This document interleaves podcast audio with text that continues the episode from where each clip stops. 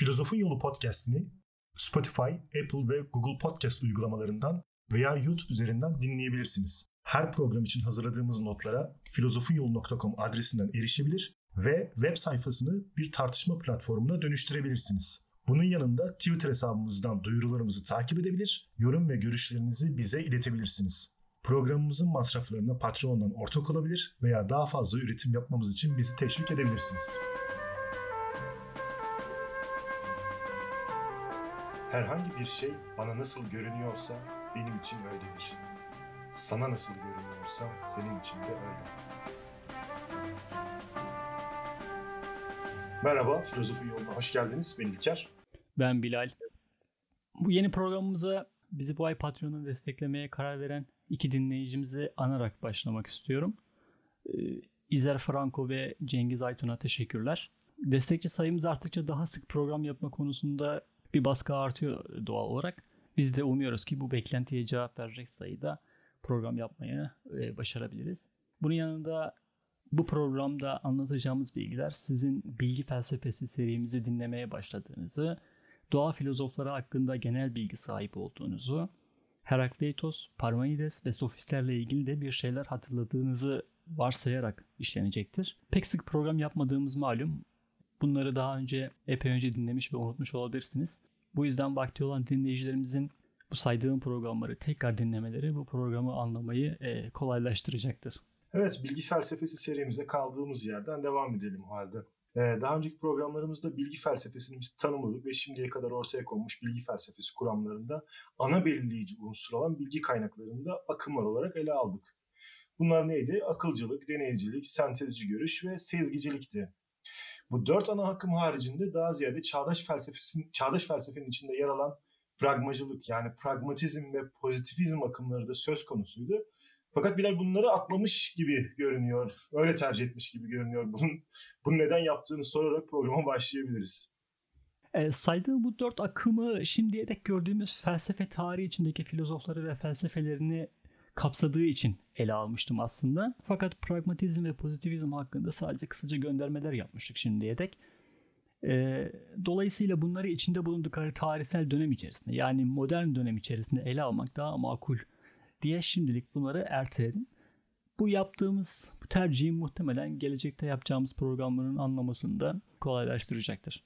E, aslında bu programı en başta yapmak istediğim e, şekilde yapmaya başlayacağız bu programdan sonra. E, daha önce duyurularda yapmıştık. Bilgi felsefesini tarihsel olarak ele almaya başlayacağız bu programla beraber. Bunun için Sokrates öncesi dönemden başlayacak ve günümüze kadar geleceğiz. Böylece şimdiye dek çoğunlukla antik çağ ve orta çağ felsefesiyle iktifa etmiş dinleyicilerimiz için de modern çağ ve çağdaş felsefeye de iyi bir giriş yapmış olacağız. Ee, konu her ne kadar bilgi felsefesiyle sınırlı olacağı için felsefe tarihini genel olarak öğrenmek konusunda eksik gibi görünecek olsa da çünkü modern çağ ve orta çağ ile ilgili çok fazla talep var dinleyicilerimizden. Bu programlar sayesinde modern çağ ve çağdaş felsefesine de iyi bir giriş yapmış olacağız. Zira modern çağ ve çağdaş felsefe neredeyse bilgi felsefesinden ibaret. Veya bilgi felsefesi bu dönemlerin felsefelerini şekillendirmiş, ona bir çerçeve sunmuş durumdadır. Dolayısıyla bu açığımızı da kapatmış olacağız. Tabii ki ilk olarak tekrar antik çağa döneceğiz ve bilgi felsefesinin izini sürerek günümüze geleceğiz. E, bu yöntemin felsefe öğrencilerinin de aslında kavramakta biraz zorlandığı bilgi felsefesi konusunun anlaşılmasını kolaylaştıracağına da inanıyorum aynı zamanda. E, programa başlamadan önce kaynaklarımızdan da bahsedeyim. E, bundan sonraki programlarımızda aksini belirtmediğim sürece ana, ana kaynağımız Enver Orman'ın Bilgi Felsefesi kitabı olacak. İstanbul Üniversitesi Açık Öğretim öğrencileri için hazırladığı kitap bu. Bu kitapla iktifa etmeyeceğiz. E, orada kısaca geçilen bölümler var. Onları genişleteceğiz. Kendi kaynaklarımızda kullanmaya devam edeceğiz. E, şimdiye kadar bu bilgi felsefesi serisi içinde kullandığımız kaynakların çoğunu yine bu programda kullandım ama tekrar tekrar saymayacağım bunları. Bunun için web sayfamızı ziyaret edebilirsiniz. Orada numaralarla hangi bölümün hangi kitaptan aldığını da gösteriyorum zaten. Peki o zaman biz soru sorarak başlayalım programı. Bilal şimdi biz antik çağ felsefesini gördüğümüz programlara göz gezdirdiğimizde yani en azından Sokrates öncesi dönemde bilgi felsefesinden bahsedildiğini göremiyoruz. Biz bu araştırmamızda bu dönemi olduğu gibi atlayacak mıyız yoksa buradan da işimize e, işimize yarayan unsurları bulup ekleyecek miyiz? Şimdi Sokrates öncesi döneme ilişkin filozoflardan bahsederken onları doğa filozofları olarak adlandırıyoruz. İsimlerinden de anlaşılacağı gibi ilgi alanları doğa ve doğanın meydana gelişine ilişkin metafizik problemlerdi. Onlarda bilgi problemine yönelik sen dediğin gibi bir ilgi görmüyoruz. Hatta böyle bir problemin varlığının bile farkında olmadıklarını rahatlıkla söyleyebiliyoruz. Neden böyle peki? Yani bu tavırların nedenini açıklayabilir misin? E, tabii şimdi bilginin bir felsefi problem olarak ortaya çıkması için önce bilgiden kuşku duymamız gerekir. Daha önce doğaya yönelik bir kuşku vardı. Doğayı araştırmaya başlamışlardı. Sonra da bilgiye yönelik bir kuşkuya ihtiyaç duyulacak ki kuşkuyu, bilgiyi araştırsınlar. Ee, bu kuşku yani bu kuşkunun bir tavır haline alması için de kuşkuculuğun güçlü bir kültürel ve felsefi hareket olarak var olması gerekir. Bu tavır ve kültür söz konusu olmadığı için de bilgi konusunda bir çalışma yapılmamış yapılmadı bu dönemlerde. E, onların çalışma yöntemi e, tüm doğal gerçekliği açıklayabilecek bir arke arayışıydı. Bu Thales'te su, Anaximandros'ta aperyon, Anaximenes'te hava, Herakleitos'ta ateş, Empedokles'te dört element, Demokritos'ta atom ve Pitagoras'ta da sayıydı. Bu e, en başta arke dedim Bilal. Arke'nin ne demek olduğunu bize tekrar hatırlatabilir misin? Tabii. Arke Yunanca başlangıç ilk olan ilk ilke, köken, ilk neden, yönetici ilke türünden birçok anlama gelen bir kelimedir. Yunan felsefesinde tüm şeylerin varlık kaynağı, her şeyin kendisinden çıktığı, değişmeyi yaratıp da kendisi değişmeyen ilk töz ya da ilke anlamında kullanılan bir terimdir. Evrende her şeyin sudan meydana geldiğini ilk söyleyen Thales olsa da arke terimini ilk defa Anaximandros kullanmıştır. Bu kavram ve kavrama ilişkin geniş bilgiye az önce saydığım filozoflar hakkında yaptığımız programlarımızı dinleyerek ulaşabilir dinleyicilerimiz. Doğa filozofları işte bu ilk ilkenin sırrını aydınlatma derdinde ontolojik bir araştırma içinde olmuşlardı ve bilginin kendisine yönelik bir çaba sarf etmemişlerdi. Evet, e, doğa filozofları evrendeki oluş sürecini açıklamak için felsefi olarak peşine düştükleri bu ilke ya da ana madde arayışları ontolojik bir karakter taşıyordu Bilal. Ee, biz yine de her bilgi arayışının epistemolojik bir çaba olacağı düşünülen yola çıkarak doğa filozoflarının arayış sürecini bilinçli bir şekilde dile getirilmemiş bir epistemolojik duruş ve yönelim içerdiğini de söyleyemez miyiz? Ee, yani çünkü genel olarak varlığın mahiyetine yönelik her türden felsefi arayış bilinçli ya da bilinçsiz bir epistemolojik arayıştır sonuçta. Tabii böyle yaklaşmak mümkündür. Zira bilmek her zaman e, varlık düzleminde yer alır ve her bilmede bir varlığı bilmedir. Onların bu bilme gayreti de elbette farkında olmadıkları epistemolojik e, bir tutumun ürünüydü. Doğa filozoflarının ilke ya da madde arayışında ne türden gizil bir epistemolojik konumlanıştan söz edilebilir? Her şeyden önce bu filozofların e, kuşkucu mu yoksa dogmatik mi olduklarına bakarak bu epistemolojik e, tutumu tahlil etmeye başlayabiliriz. Yaptığımız programlarda da gördüğümüz üzere doğa filozoflarının evrenin bilinebilirliğine dair en ufak bir kuşkuları yoktu. Bu bağlamda bilinçli bir epistemolojik sorgulamaları olmadığını görmüştük. Dolayısıyla bu filozoflara epistemolojik anlamda dogmatik filozoflar demekte bir sakınca yoktur. Tahlilimizin ikinci durağında da bu filozofların maddeye ilişkin düşüncelerinden yola çıkarak bir çıkarımda bulunabiliriz. Doğa filozofları için sonsuz ve tözsel gerçeklik olarak arke, evrende var olan her belirlenim ve hareketi var eden ve dolayısıyla da anlaşılır kılan ilke ve başlangıç noktasıdır. Evrendeki her şeyi bilmemizi ve anlamamızı mümkün kılacak bir gerçeklik ve asıl varlık alanı söz konusudur. Dolayısıyla bu filozofların materyalist bir bakış açısına sahip olduklarını ve yine dolayısıyla bir anlamda sağduyuya dayanan deneyici bir tutum sergilediklerini iddia edebiliriz. Bu filozoflar çevrelerini izliyor, değişimi gözlüyor ve gözlemlerinden yola çıkarak maddeye, doğaya ilişkin iddialarda bulunuyorlardı. Bunlar her ne kadar metafizik iddialar olsa da Platoncu anlamda rasyonelist bir tavır sergilemediklerini biliyoruz. Bu bilinçsiz deneyici tutum da doğal olarak Helenistik dönem ya da modern çağdakine kıyasla üzerinde durulmadığı için aydınlatılmış değildi. Şimdiye dek gördüğümüz felsefe tarihinde filozofların kendilerinden önceki düşüncelerden beslendiklerine, e, ortaya konan düşüncelerin öncekilerine yanıt ya da revizyonlar olduğunu çokça tanık olduk. Şimdi böyle düşününce daha sonra ortaya çıkacağını bildiğimiz kuşkucu tavrın da birden ortaya çıkmayacağını varsaymak ve köklerinin geçmişte bir yerde olduğunu varsaymak makul olacaktır. Benim sorum şu ki e, sofistlerden başlayarak gelecekte bilgiye yönelik ortaya çıkacak kuşkucu tavrın köklerini bu dönemde görmek mümkün mü? Ya da sorunun arkasında durmak adına bu dönemin neresinde veya hangi filozoflarda göreceğiz? Doğa filozofları arasında Arke'nin ne olduğu konusunda bir ihtilaf olsa da dönemin en önemli tartışması Sokrates öncesi antik felsefenin de belki de ilk gerçek filozoflar olan Herakleitos ve Parmenides arasındaki varlık tartışmasıydı. Biz de bu tartışmaya yoğunlaşarak sorunun izini sürebiliriz.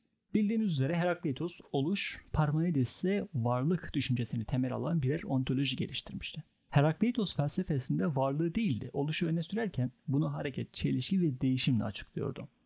Fakat değişim ve çelişki doğru bilginin önündeki engellerdi. Doğa filozofları da bu yüzden değişimin ardında değişmeyen şeyler aramıştı. Hareket, değişim ve çelişkiyi doğru ve hakiki bir bilgi önünde bir engel olarak görseydik, Herakleitos'un ontolojisini kuşkucu bir epistemolojik tavrın zemini kılabilirdik. Fakat Herakleitos bu fikirde değildi. O da kendisinden önce gelen doğa filozofları gibi sorgusuz sualsiz doğru bilginin olanağını onaylayan dogmatik bir filozoftu. Epistemolojik anlamda. Dolayısıyla karşılaşmayı umduğumuz kuşkucu tavrın burada olmadığını söyleyebiliriz. Peki bu değişime kuşkulu yaklaşan Parmenides miydi? Aslında Parmenides'te de bilinçli bir kuşkucu eğilim göremiyoruz. Bu iki filozoftan bahsetmem nedeni de aslında onların ikisinin ya da birinin kuşkucu olduğunu söylemek değildi. aralarındaki tartışmanın doğuracağı sonuç bizi ilgilendiriyor. Fakat Parmenides'ten de birazcık bahsedelim.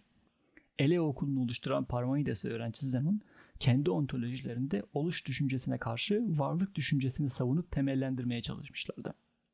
Ondan açısından varlık eğer hakiki ve gerçek bir varlık ise oluş, çelişki, hareket ve değişimi dışlamalıdır.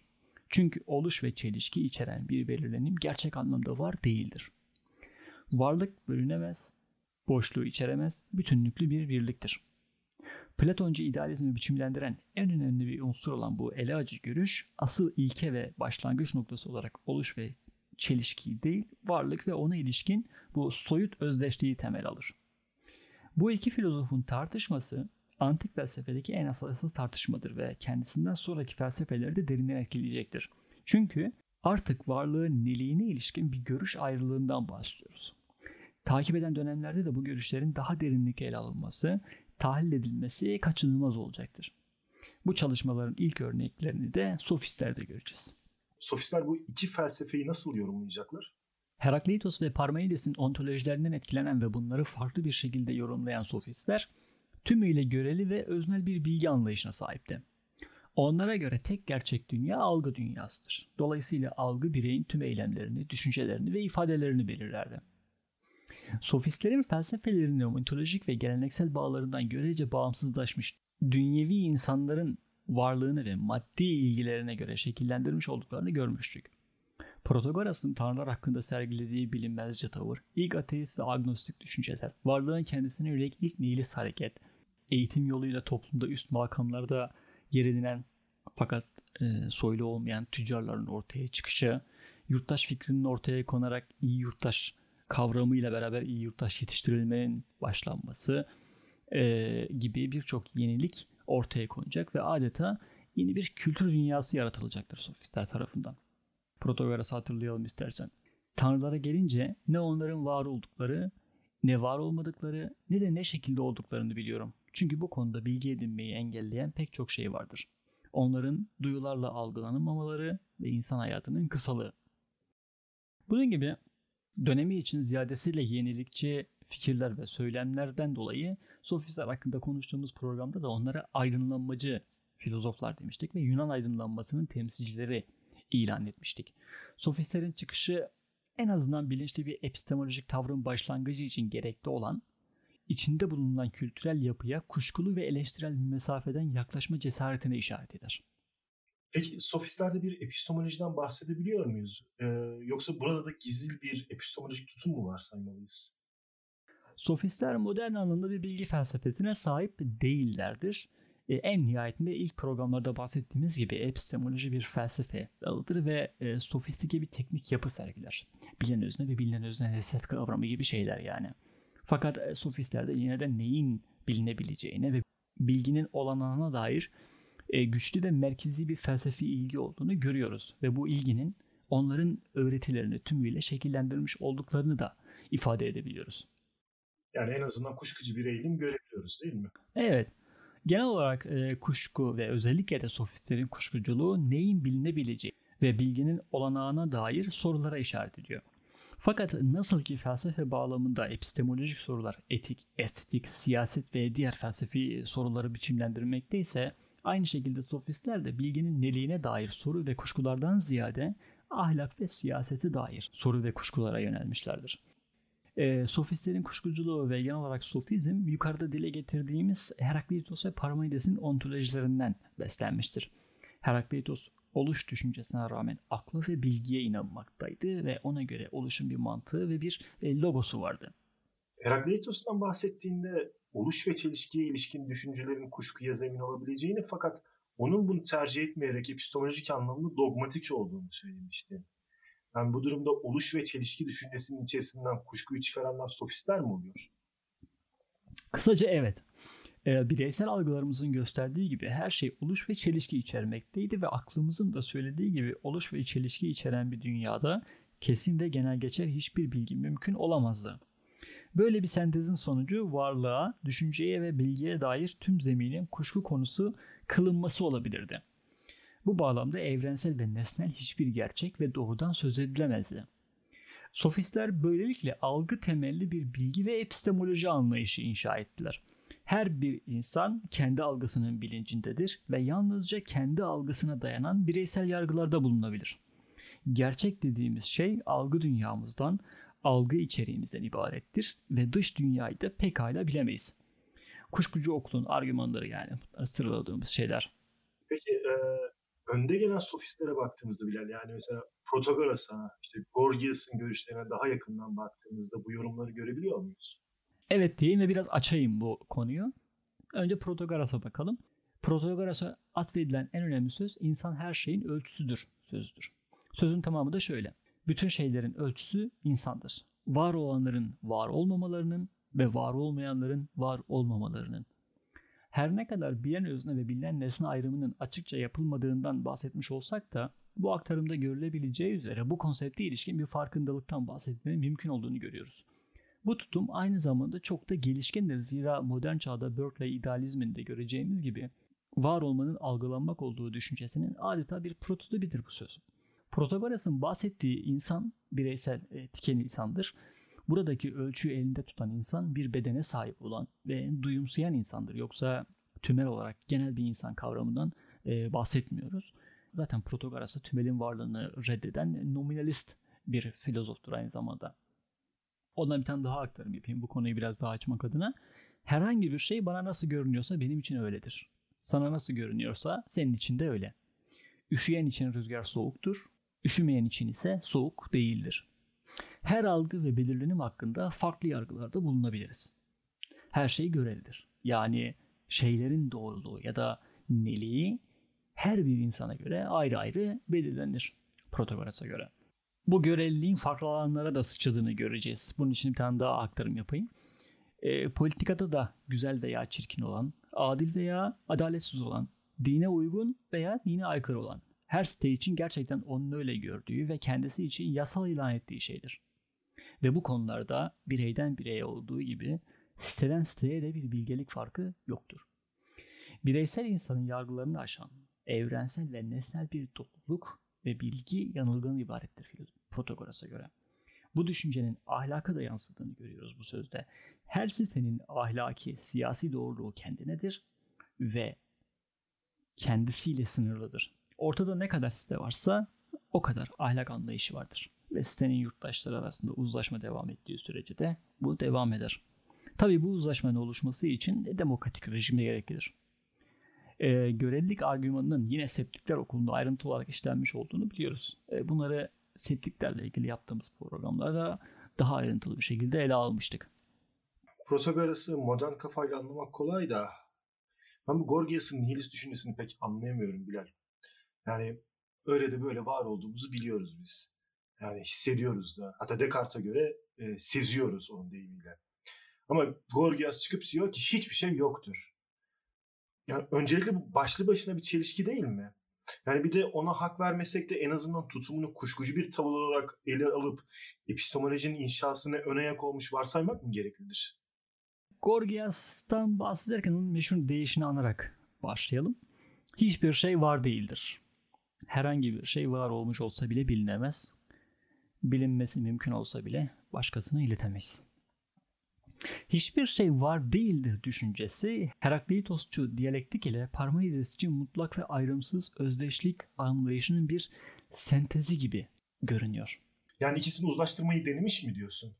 Bundan ziyade bu iki düşünceden işine gelenleri alıp eklektik bir yapı sergilemiş demek istiyorum. Herakleitos için her şey oluşa tabiydi ve Parmenides için de oluşa tabi olan hiçbir şey hakiki anlamda var değildi değil mi? Gorgias bu iki düşünceyi birleştirerek hiçbir şeyin var olduğunu iddia ediyor sanki.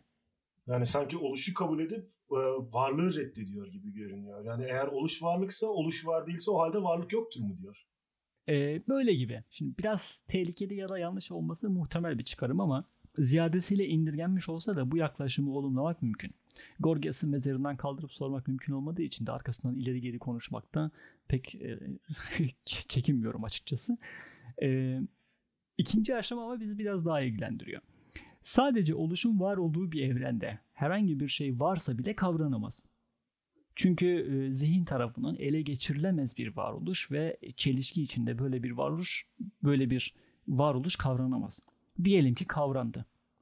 Bu kavranan şeyin bir başkasına bildirilmesi ve onun tarafından kavranması da olası değildir. Çünkü her bireyin söylemi ve kavrayışı farklı olacaktır. Yani biz bilginin aktarımının neden mümkün olmadığını sezgicilerde görmüştük aslında ama buradaki kavrayışla o kavrayış farklı herhalde değil mi? Evet, sezgicilerde mistik bir deneyimden ve aktarımdan bahsediyorduk. Buradaki kavrayış deneyici görüşle ilgilidir. E, modern deneyiciler de genel olarak bu konuda uzlaşı içindedir zaten. Çünkü bilgi algı dünyamızdan ibarettir ve bunu birilerine tas tamam aktarmak mümkün değildir. Ee, örneğin çocuk sahibi olmak isteyen bir bebe bir ebeveynin çocuk arabasını algılamasıyla çocuk sahibi olma fikrine bile katlanamayan birinin bebek arabasını algılaması ve bu iki bireyin algı ve düşünce dünyasındaki kavramın aynı olması mümkün olabilir mi? Bu iki kişinin bireysel tarihleri, kültür dünyaları, sosyal çevreleri, eğitim ve ekonomik durumları gibi algılarını ve dolayısıyla kavram dünyasını ve seçimlerini etkileyen, belirleyen pratikte sonsuz faktörü var. Bu iki bireyin düşüncelerini birbiriyle başarılı bir şekilde aktarması mümkün değildir. Eğer aktarım, anlatım mümkün olsaydı dünyada birbirini anlamayan insan kalmazdı zaten. Yine modern çağdan bir örnek vereyim. Ben senin Diyelim ki seni şu anda bir, makineye bir bilgisayara bağlayayım ve senin şu anda aklından geçirdiğin imgeleri her şeyi bir şekilde bir monitörün ekranına yansıtayım. Ben senin yine de senin gibi algılıyor veya senin algıladığını birebir algılıyor gibi olabilir miyim? Olamam. Senin zihnin yapın, zihnin içindeki şeyler tamamen farklı. Ben sadece onu bir monitör olarak yine kendi algılarımda, yine kendi çerçevemden bakıyorum. Kendi açımdan bakıyorum ona. Dolayısıyla algı, algı içeriği kusursuz bir şekilde aktarılamaz. Yani Protagoras bu konuda haklıdır. Yani hiç böyle bir şey yapılmasa sevinirim açıkçası ama yani yapılsa bile hiçbir zaman doğru bizim algımızı yansıtmayacaktır. Kesinlikle evet öyle. Onun yerine geçmen gerekiyor. O olman gerekiyor. Bu da mümkün değil zaten. O zaman sen sen olmazsın artık. Tabii e, Gorgias'ın varlık ve bilgi konusundaki bu nihilist tavrını bir nevi felsefi olumsuzlamak olarak da okuyabiliriz.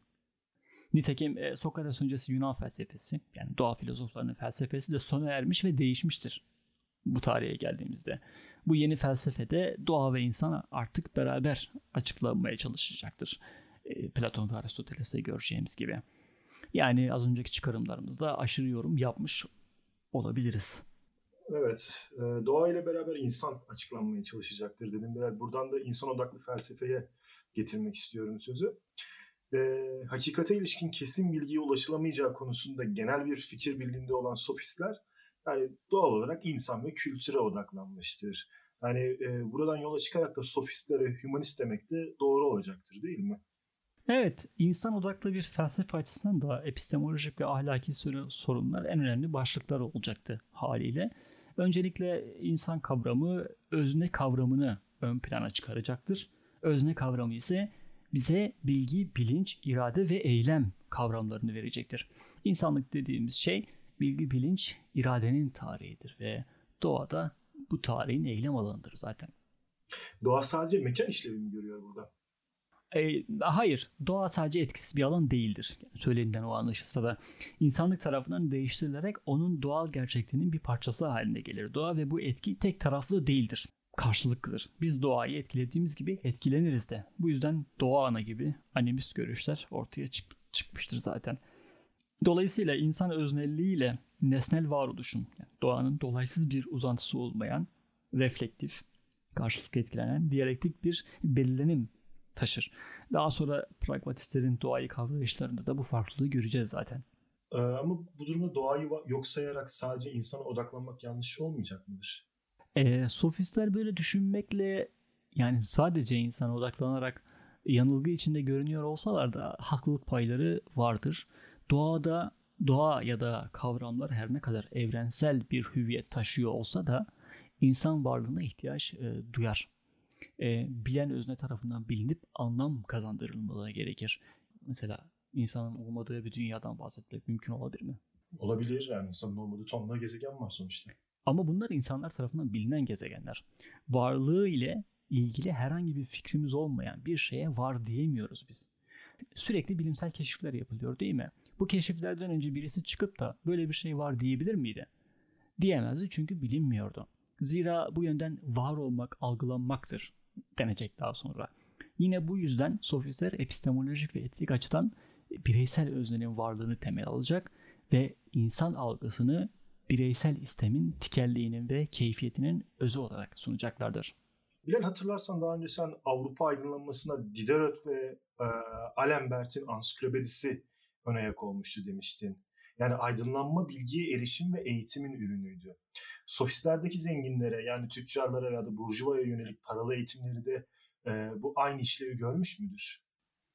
Evet, e, burada eğitim derken geleneğin dışında özgür ruhlu bir eğitimden bahsediyoruz elbette. Sofistlerin iyi yurttaş yaratma misyonları mitolojinin dogmatik katılığını ve aristokrat sınıfların eşitsizlik üzerine kurulu e, yönetimlerine karşı gelişen özgürlükçü ve demokratik bir ruhun ürünüydü. Onlar sayesinde babadan oğula nesil yoluyla geçen ayrıcalıklar, para ve bilgiye erişim, parası olan herkese ulaşabilir hale gelecektir. Bu durumun muktedirde yaratacağı rahatsızlığı tahmin etmekte e, zor olmasa gerek zaten. Sofistlerin özgürlük tanımı nedir tam olarak bile? Yani biz şu an burada otursak birbirinden farklı onlarca özgürlük tanımı yapabiliriz. Onlar ne diyor bu konuda? Evet yani mesela Platon için özgürlük doğal ve bedensel olanın baskılanması ve denetlenmesi anlamına gelir. Fakat sofistlerde özgürlük genel olarak bireysel özgürlük olarak tanımlanır. Bu da e, kısaca modern anlamda bir tür liberal özgürlüktür. Bu özgürlük bireyin doğal dürtü ve tutkularına gem vurmaması yanında bireyin gelenek ve politik otoritenin insafına terk edilmemesi olarak da anlaşılabilir. Ve burada bir parantez açma ihtiyacı da hissediyorum. E, Türkiye gibi gelenekçi toplumlarda geleneğe vurgu çok sık yapılıyor malum. Fakat e, gelenek derken ne geleneğinden bahsedildiği her zaman açıkça yanıtlanmaz. Gelenek toplumsal ilişkiler olarak ele alınsa da bunun temelini ve çerçevesini çoğunlukla böyle toplumlarda din sunar. Modernleşme dediğimiz şey de geleneğe aykırı olandır. Bu da pek tabii dine aykırı olan anlamına gelir dolaylı olarak. Gelenekçi toplumdaki modern tipinin e, olarak markalanması da boşuna değildir. Bu elbette onları haklı yapmaz. Yani bu markalamayı yapanları haklı yapmaz. E, din doğası gereği kendisine tehdit gördüğünü dışlar, şeytanlaştırır. E, birey farklı bir geleneğe de bağlı olsa gelenek içinde kaldığı sürece sorun yoktur. Bu yüzden başka din üyelerine çok ses edilmez. Hatta e, hoşgörüyle yaklaşılırken mesela ateist, deist en esaslı rakip görünür dindar için ve radikal söylem ve eylemlerin muhatabı olur bunlar. Dinin bu sözde yetkisi Anaksagoras, Protagoras ve Sokrates gibi politik rakipleri etkisiz hale getirmek için de ziyadesiyle işlevsel olmuştur zaten ta antik Yunan'da. Bu tarih boyunca da tekrar eden bir süreç oldu her zaman. Evet yani sofistlerdeki bu modern tavır ve din karşılığı yani felsefelerinde de bir karşılığı olması lazım. Şimdi biz ahlak konuştuğumuz programlarda da görmüştük. Orada da sıkça bahsetmiştin sen. Ahlakın kaynaklarından biri de dindi neticede. Şimdi sofistler dini etkisizleştirdikten sonra ahlak kuramlarını ne üzerine inşa edecekler? Filozoftan beklenen ahlak kuramının akılsal olmuştur öncelikle. Kimi filozoflar ahlakı dine dayandırsa da akılsal bir işlevden işlemden geçirirler. Yoksa onlara filozof demeyiz. Din adamı deriz. Softa deriz onlara. E, sofistlerin e, kuşkucu epistemoloji tutumlarının doğal sonucu olarak da ahlak evrensel kavram ve kategorileri temel alan akılsa bir ahlak anlayışı olmayacaktır. E, Protagoras'ta gördüğümüz gibi bireylerin farklı algıları, toplumların da farklı yordamlara sahip olması anlamına gelecektir. E, yoksa sofistler için akıl daha çok böyle bireyin tikel ilgi ve çıkarlarına hizmet etmesi gereken teknik bir araçtı. Bu nedenle onlar aklın evrensel hakikat arayışı olarak tanımlanabilecek bir felsefeye, bir filozofyaya yönelmekten çok aklın günlük ilgi ve e, çıkarlar için retorik kullanımını göz ardı etmeyen bir felsefeye yönelmişlerdir. Akıl onlar için e, kutsal aşkın bir şey değildi yani birçok filozofta olduğu gibi. Ee, ve ayrıca ahlak ve politikalarında da bireysel hırs ve çıkarlar ön plana çıkacaktır doğal olarak değil mi? Tabii. E, daha önce programlarda sıkça karşılaştığımız üzere antik felsefede ahlaktan bahsettiğimiz her yerde aynı zamanda politikadan bahsediyor oluruz. E, bunu Platon ve Aristoteles felsefelerinde sıkça gördük, gördük zaten. Sofistlerde özel olarak Protagoras'taki tutum demokratik bir zeminde bireysel ilgi ve çıkarları önceleyen, pratik amaçlar iç, pratik amaçlar güden bir ahlaki ve politik yapı idealidir. Bu da bireysel özgürlüğün vurgulandığı bir felsefe için son derece tutarlı bir tasarımdır. Ahlak zamana ve şartlara göre değişebilir. Ve bireyin tutku ve arzularını teminat altına e, almalıdır. Geç dönem sofistlerde ilk defa karşımıza çıkan toplum sözleşmesi, yani anayasa kuramını konuşurken de zaten bunlara e, değinmiştik. Sofistleri son bir defa özetleyerek programı kapatmaya başlayalım artık. Felsefe ve politikayı yüce ve ideal amaçlar uğruna değil, bireysel ve özel ilgiler uğruna yapılır sofistlerde. Bireysel ve tikel ilgiler gerçek bir varoluşa işaretlerken evrensel bir ilgi ise bir aldatmaca ve yanılsamanın ürünüdür onlara göre. Sofistik tartışma böylece ilkin farklı bir anlayış ve ilgilerin bir dışa vurumu ve uzlaştırılması çabası olarak da okunabilecektir. Böyle bir çabanın demokrasi kültürü ve insan davranışları açısından önemi açıktır. Eşit bir ağırlığa sahip oldukları düşünülen farklı ve karşıt görüşlerin belli bir rekabet ortamında birlikte var olmaya çalışması, sağlıklı bir liberal ve demokrat yaşam ortamı için gereklidir. Böyle bir bireysel eşitlik ve rekabet ortamının din ya da Platoncu hakikat gibi aşkın bir doğruluk ve erdem anlayışıyla aşılmaya çalışılması e, demokrasi açısından mümkün değildir.